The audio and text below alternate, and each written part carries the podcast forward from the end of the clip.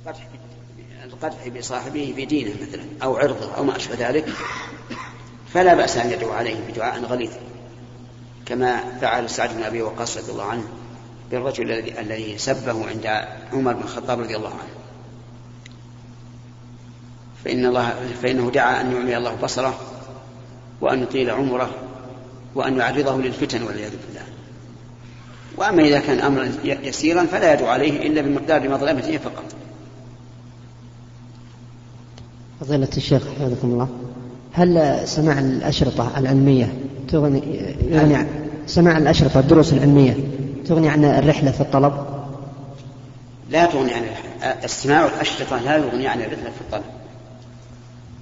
الرحلة في الطلب أفضل لأن الطالب يجلس إلى العالم ويتلقى منه مباشرة ثم إنه ربما يحصل إشكال أو مراجعة فلا يحصل عليه في فيما إذا استمع إلى الأشرفة لكن لا شك أنه إذا استمع إلى الأشرفة سيستفيد.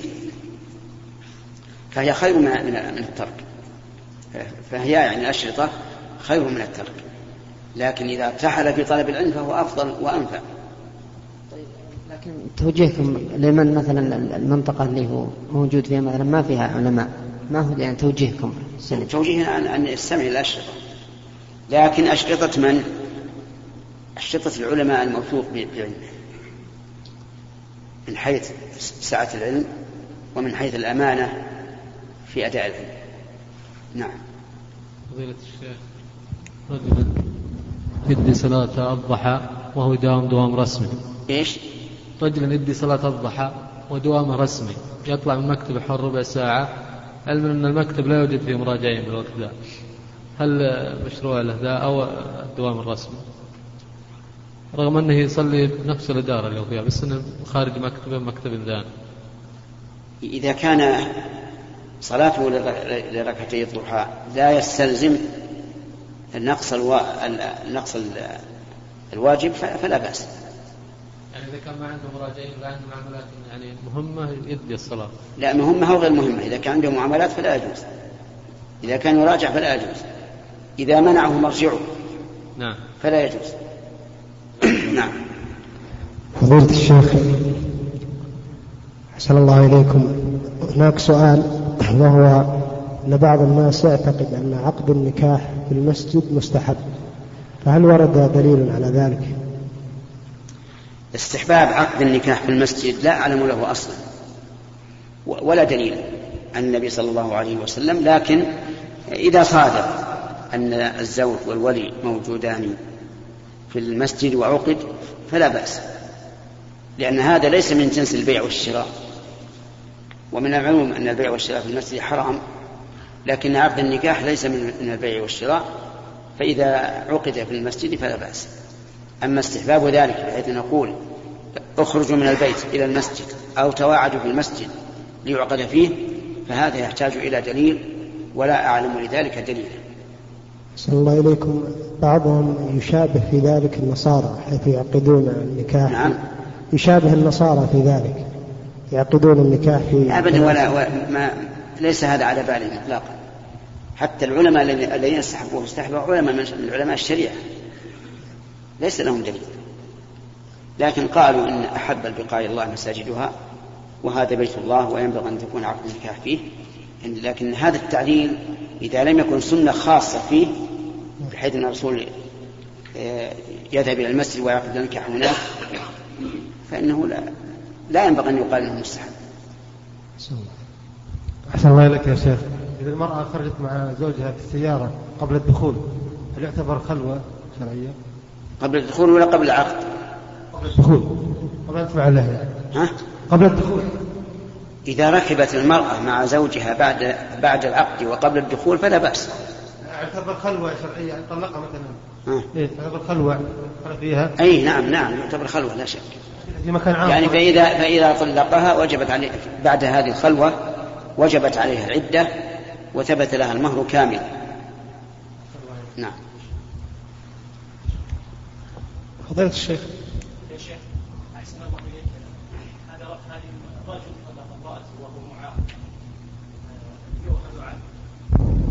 هل هل لامرأته وهو ليس له من يصلح يصلح أمره؟ أن تتكشفه وترى عورته؟ ما دامت في العدة إذا لم يكن الطلاق بائنا فهي كالزوجة. حكمها حكم الزوجة.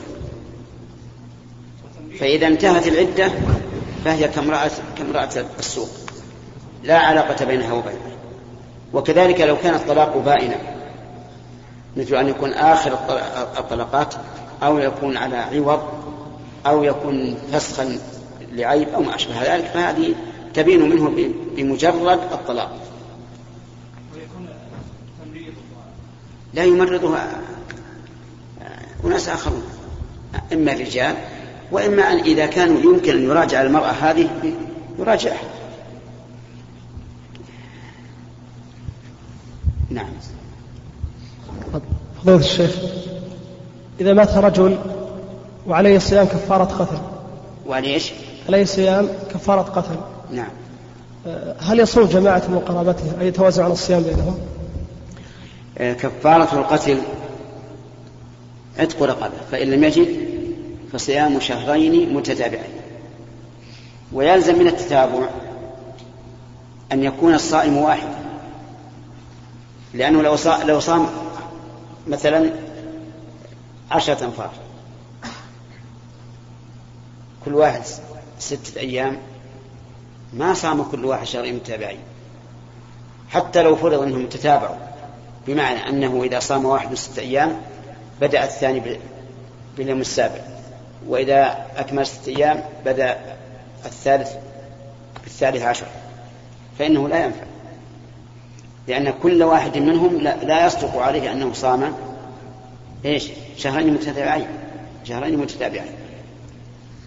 بخلاف قضاء رمضان فإنه إذا مات الميت وعليه أيام من رمضان فلا بأس أن يصومها عنه متعددون حتى لو صاموا في يوم واحد فلا بأس. نعم. فضيلة الشيخ حديث معاذ بن جبل الذي يقول كنت رديف النبي صلى الله عليه وسلم على حمار. فقال فقال النبي صلى الله عليه وسلم له أتدري ما حق الله يا عباد؟ يا معاذ تدري ما حق الله يا عباد؟ وما حق العباد يا الله؟ قلت الله ورسوله أعلم. قال حق الله يا عباد أن يعبدوه ولا يشركوا به, ولا يشركوا به شيئا. وحق العباد وحق العباد على الله أن لا يعذب من لا يشرك به شيئا.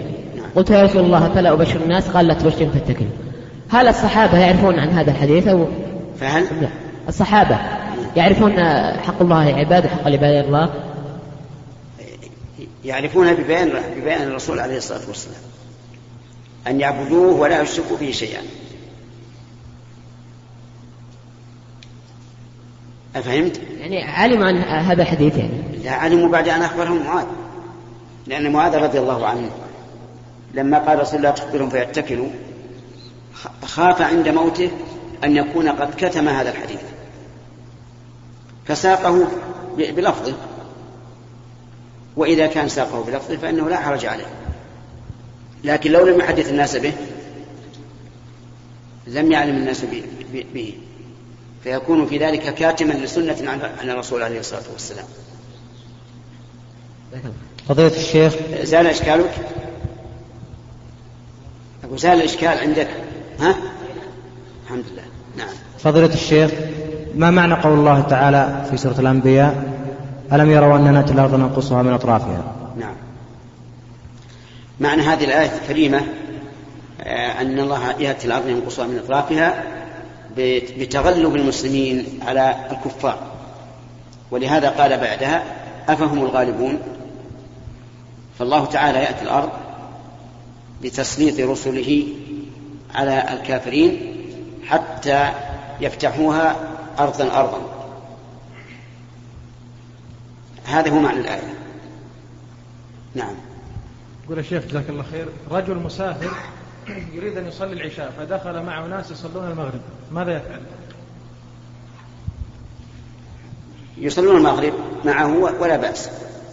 ثم إن كانوا أدركوه في أول ركعة فإنهم يجلسون إذا قام إلى الرابعة ويتشهدون ويسلمون ليدركوا معه صلاة بقية صلاة العشاء. وإن كانوا دخلوا, مع دخلوا معه في الثانية سلموا معه. وإن دخلوا في الثالثة قضوا بعده ركعة. آه، السؤال يا شيخ رجل مسافر يريد أن يصلي العشاء. نعم. يقصر فدخل مع ناس يصلون المغرب. ما في إشكال هذا. إذا دخلوا معه وهو يصلي العشاء ركعتين فإنهم يصلون معه ركعتين ثم يقضون ركعة واحدة بعد السلام. هو مأموم وليس إمام. اللي من؟ يصلي العشاء مأموم والإمام يصلي المغرب. إيه. هذا عكس سؤالك الأول. على كل حال إذا إذا دخل شخص مع من يصلي المغرب وهو يريد أن يصلي العشاء مقصورة فلا بأس. ثم هو فيما نرى بالخيار. إن شاء نوى الانفراد حال التشهد وأكمله وسلم فتكون صلاة العشاء مقصورة. وإن شاء استمر مع إمامه فإذا سلم إمامه أتى بركعة وتكون صلاة العشاء في حقه تامة.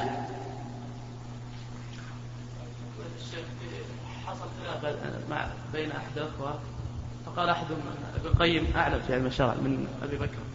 من أبي بكر؟ أي، في علم الشرع.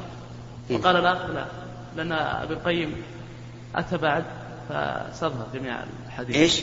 أتى بعد الصحابة فاستظهر جميع الحديث. وقال إن أبو بكر كان ملازم للرسول فعلم جميع الحديث. فايما ترك؟ هل أحد يشك أن أبا بكر أعلم من من من, من ابن القيم ومن شيخ الإسلام ابن تيمية أيضا؟ في علوم الشريعة لا أحد يشك. ولهذا كان قول ابن أبي بكر حجة. وقول ابن القيم ليس بحجة. أما العلوم الأخرى التي حدثت بعد فهذه نعم تخفى على على أبي بكر رضي الله عنه. لكن لو كان فيها خير لكان أبو, أبو بكر أعلم الناس بها بعد رسول الله صلى الله عليه وسلم. لكن قد يعلم احاديث ما سمعه. نعم. قد يعلم احاديث لم يسمع سمعها أبو بكر. وش يدري أنه ما سمع؟ قد يعني ما مع كلمة قد هذه ما غير محقق. مثل حديث معاذ اللي قال أ- أن تظن أن تظن أن أبو بكر رضي الله عنه يخفى عليه الشيء وهو ملازم للرسول عليه الصلاة والسلام ملازمة تامة. أما حديث معاذ فهو يمكن أن الرسول أخبر معاذا بذلك وقال لا تبشرهم وقد أخبر أبا بكر به. ثم- هذا كلام لغو كلام لغو لا يقصد به قائله إلا شرا. كيف يفاضل بين أعلم الأمة وبين من هو في القرن السابع العلم والعلم مو فضل. على كل حال هذه هذه ما تأتي إلا من سفهاء. سفهاء لا يعرفون قدر الصحابة ولا سيما أبو بكر رضي الله عنه. رجل عنده دش ومن الله عليه بالهداية أو التوبة فهل يجوز له أن يبيع هذا الدش على كافر أو على نصراني؟ لا لا يجوز له هذا. يجب عليه أن يكسره. وليس هناك طريق للتوبة إلا هذا.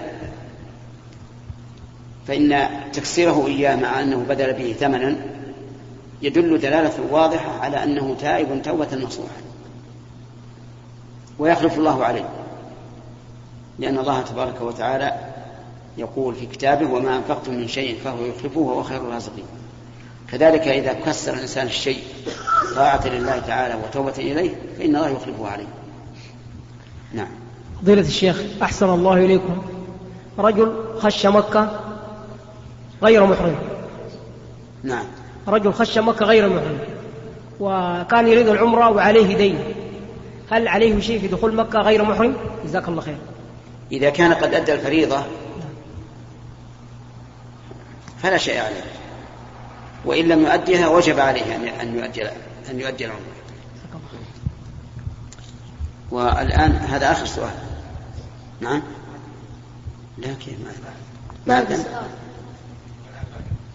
إلى الأذان أجل هذه يمكن مقدمة نعم. فضيلة الشيخ. إلا خمس؟ طيب. نعم. فضيلة الشيخ ما قولك على اليهود والنصارى الذين يأخذون من سيرة الرسول صلى الله عليه وسلم؟ الذين؟ يأخذون من سيرة الرسول صلى الله عليه وسلم. يعني يقرؤونها؟ إيه يقرؤونها ويعملون بها. ويعملون بها؟ لا يمكن هذا يعني. اللهم إلا في في مسائل الحرب مسائل الحرب. مسائل الحرب والتدبير لا بأس. لكن كونهم يأخذونها في الشريعة لا يمكن هذا. إذا أخذوا بها في الشريعة صاروا مسلمين. نعم. شيخ بارك الله فيك. إيه، وقلت لك لا بأس أن يأخذ مثل مثلا في الحرب والسياسة وما أشبه ذلك كما أن نحن الآن يجوز أن نأخذ مثلا من الكفار ما يتعلق بالحرب وأساليب آه، الأسلحة وغيرها. نعم. الشيخ بارك الله فيك. شيخ شخص يدعو إلى الله عز وجل في مكان يكثر فيها أهل البدع بدا بفضائل الأعمال ترك التوحيد. لأجل لا يعرض له الاعداء هل يجوز هذا الشيء؟ هذا ينبني إلى أن المقصود بالدعوة الهداية. فإذا رأى أن من أسباب ذلك أن لا يباغتهم بإنكار ما هم عليه من التوحيد وأنه عازم على أن يدعوهم لكن أراد أن يطمئنهم بذكر الصلاة والحث عليها والزكاة والصيام والحج. ثم بعد ذلك يعرج على التوحيد فأرجو أن لا يكون بذلك بأس. أما إذا كان لا يريد أن يتكلم في التوحيد إطلاقا فيقول لنا تكلم فيه ما هذا يؤدي إلى إلى شر وما فهذا لا يجوز. لكن إذا جعل هذا سلما للوصول إلى الدعوة التوحيد فلا بأس. وبسماع الأذان ينتهي هذا اللقاء وأسأل الله تعالى أن يجعله لقاء نافعا وأن يوفقنا وإياكم لما فيه الخير والصلاح. إنه على كل شيء قدير. أيها الأحبة يسعدنا أن نكمل ما تبقى من هذا الشريط بهذه المادة.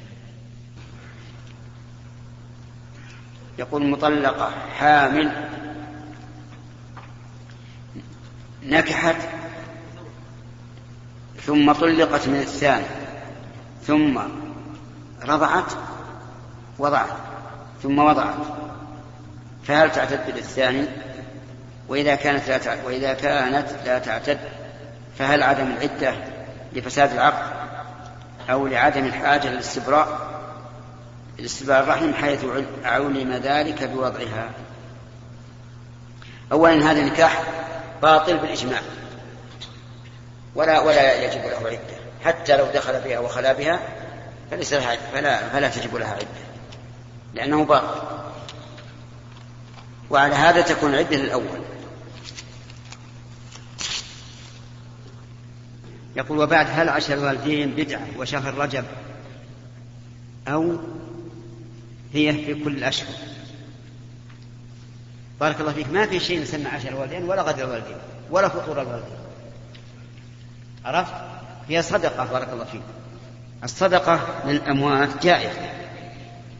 لأن النبي صلى الله عليه وسلم أقر سعد بن عبادة في الصدقة عن أمه وأقر الرجل الذي قال يا رسول الله إن أمه افتلتت نفسها. ولو تكلمت لتصدقت أفأتصدق عنها؟ قال نعم. عرفت؟ تسمع ولا لا؟ طيب أجب. طيب لكنه ليس من الأمور المشروعة التي يقال للإنسان افعلها لأن الرسول ما حث الأمة على ذلك وإنما حثهم على الدعاء. قال إذا مات الإنسان انقطع عمله إلا من ثلاث صدقة جارية أو علم ينتفع به أو ولد صالح يدعو له لكن كوننا مثلا نقيد الصدقة للوالدين أو لغيره في يوم معين أو شهر معين أو سبب معين بلا دليل يكون بدعة أفهمت؟ نعم. نعم. سواء في رجب أو في شعبان أو في رمضان أو في أي زمن. يقول ما حكم ما يفعله النساء للتعزية؟ يجتمعن في بيت امرأة منهن وتأتي إليهن وتأتي إليهن النساء يعزينهن. وما يفعله الرجال بصفوف صفا واحدا في المقبرة ويمر عليهم الناس يعزونه. أما الأول فالاجتماع للعزاء نص العلماء على أنه يكره وبعضهم صرح بأنه بدعة سواء من الرجال أو من النساء. وإن أضيف إليه صنع الطعام صار من النياحة كما جاء ذلك في حديث جرير بن عبد الله البجلي قال كانوا يعدون الاجتماع إلى أهل الميت وصنع الطعام من النياحة. أما صف الناس للعزاء في المقبرة فلا أعلم فيه شيئا. أقول فيه إنه بدعة وغير بدعة لكن الناس يتعللون بأن هذا أسهل للمعزين. بدل من أن يتلفت يمينا ويسارا يطلب من يعزيه يكون هنا قد صف لكني أنا شخصيا لا أحب لأني أخشى أن تتطور إلى أشياء ثانية بدعية وهذا يقول نعم يقول ما معنى قولكم أسماء الله مترادفة باعتبار باعتبار دلالتها على الذات وباعتبار دلالتها على المعنى والصفة التي تحملها متباينة أولا لابد أن نعرف ما هو المتباين والمترادف. المترادف اللفظ المتعدد لمعنى واحد أو لشيء واحد. عرفت؟ اللفظ المتعدد ومدلوله واحد يسمى مترادفا لأن الألفاظ ترادفت على مدلولها فمثلا هل عندك هر ولا قط؟ ولا بس؟ ولا سنور؟ طيب هذه الأسماء التي عددتها كلها لمسمى واحد تسمى هذه مترادفة هل رأيت أسدا؟ نعم. هل رأيته زبرا؟ هل رأيت غضنفرا طيب. هذه أيضا أسماء لمسمى واحد وهو الأسد. يسمى تسمى هذه إيش؟ مترادف. إنسان بشر مترادف أيضا. أسماء الله تعالى باعتبار دلالتها على الذات فقط ماذا تكون؟ مترادفة. لأن الرب والرحيم والرحمن والسميع والبصير كلها تدل على ذات واحدة. باعتبار معانيها مختلفة السميع غير البصير. يعني معنى السميع غير معنى البصير. العزيز غير معنى الحكيم. أفهمت الآن؟ أيها الإخوة في ختام هذه المادة نسأل الله أن نلقاكم في لقاءات متجددة. مع تحيات مؤسسة الاستقامة الإسلامية للإنتاج والتوزيع في عنيزة. شارع هلالة رقم الهاتف والناسخة الهاتفية صفر ستة ثلاثة ستة أربعة ثمانية ثمانية ثمانية صفر. والرقم الثاني صفر ستة ثلاثة ستة أربعة خمسة ثمانية ثمانية